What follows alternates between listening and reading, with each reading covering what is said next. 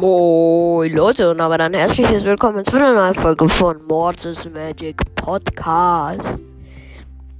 Heute gibt es die, wie ihr im Titel schon gelesen habt, ähm, wenn Brawler seine Schüsse, also die, die Schüsse vom Brawler seine Gadgets wären. Und die Ulti, die normale Attacke. Fangen wir an mit Sandy. Sandy wäre der schlechteste Brawler fast im Spiel. Denn sie hält sich nur hoch. Was bringt das? Und der zweite, sie braucht ihre Ulti für die Attacke. Was bringt, wie soll sie die Ulti aufladen, wenn sie ihre Ulti für die Attacke braucht? Dass sie von selbst aufgeladen werden würde, ja, aber trotzdem wäre sie dann einfach nur krass schlecht. Auf jeden Fall ja, Sandy sehr schlecht. Dann Bull. Wenn seine Gadgets näher zeigen werden. Er bräuchte die Ulti für den. Also beim zweiten Gadget sind wir jetzt. Er bräuchte die Ulti. Und wie soll er die Ulti bekommen, wenn er keinen Schaden macht? Wenn er um sich. So wie Jackie. Da wäre er einfach Jackie. Da kann man nicht groß dazu sagen. Und der erste, wo er sich hochhält, bringt sich nichts, weil er macht keinen Schaden dabei und kann seine Ulti nicht aufladen und keinen Schaden machen.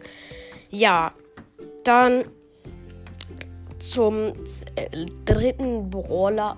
Zwar Dynamite, der erste Gadget, da wäre eigentlich sogar ziemlich gut, der Brawler, ähm, weil er macht Schaden und rennt schneller bei der Attacke. Das ist eigentlich ganz gut, auch wenn ein Gadget eigentlich normal sehr schlecht ist. Aber als Brawler wäre er dann eigentlich ziemlich gut sogar. Aber sein zweiter Gadget, der braucht die Ulti für den Gadget. Genauso wie bei Sandy, also brauche ich nicht viel dazu sagen. Dann kommen wir zum dritten Brawl. Nein, zum vierten Brawler schon. Das wäre Barley. Barley, naja, also er würde die Gegner verlangsamen. Aber wie soll er dann Schaden an den Gegner machen? Dasselbe beim zweiten Gadget. Er würde sich und seine Mitspieler hochhalten. Was bringt ihm das? Er kann keinen Schaden an den Gegner machen. Ähm, es wären sehr viele Brawler, wenn sie nur ihre Gadgets hätten, sehr schlecht.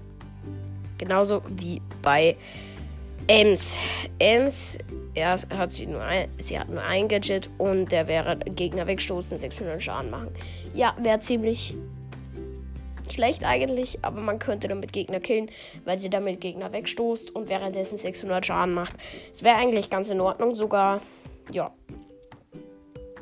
Ihre Ulti wäre halt ihre normale Attacke das, und sie lädt sie mit zwei Schüssen auf. Mit einem besser sogar. Ja.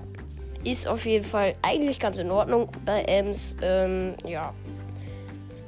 Und ich würde jetzt sagen, das war's mit der Folge. Ich hoffe, sie hat euch gefallen. Und ciao, ciao.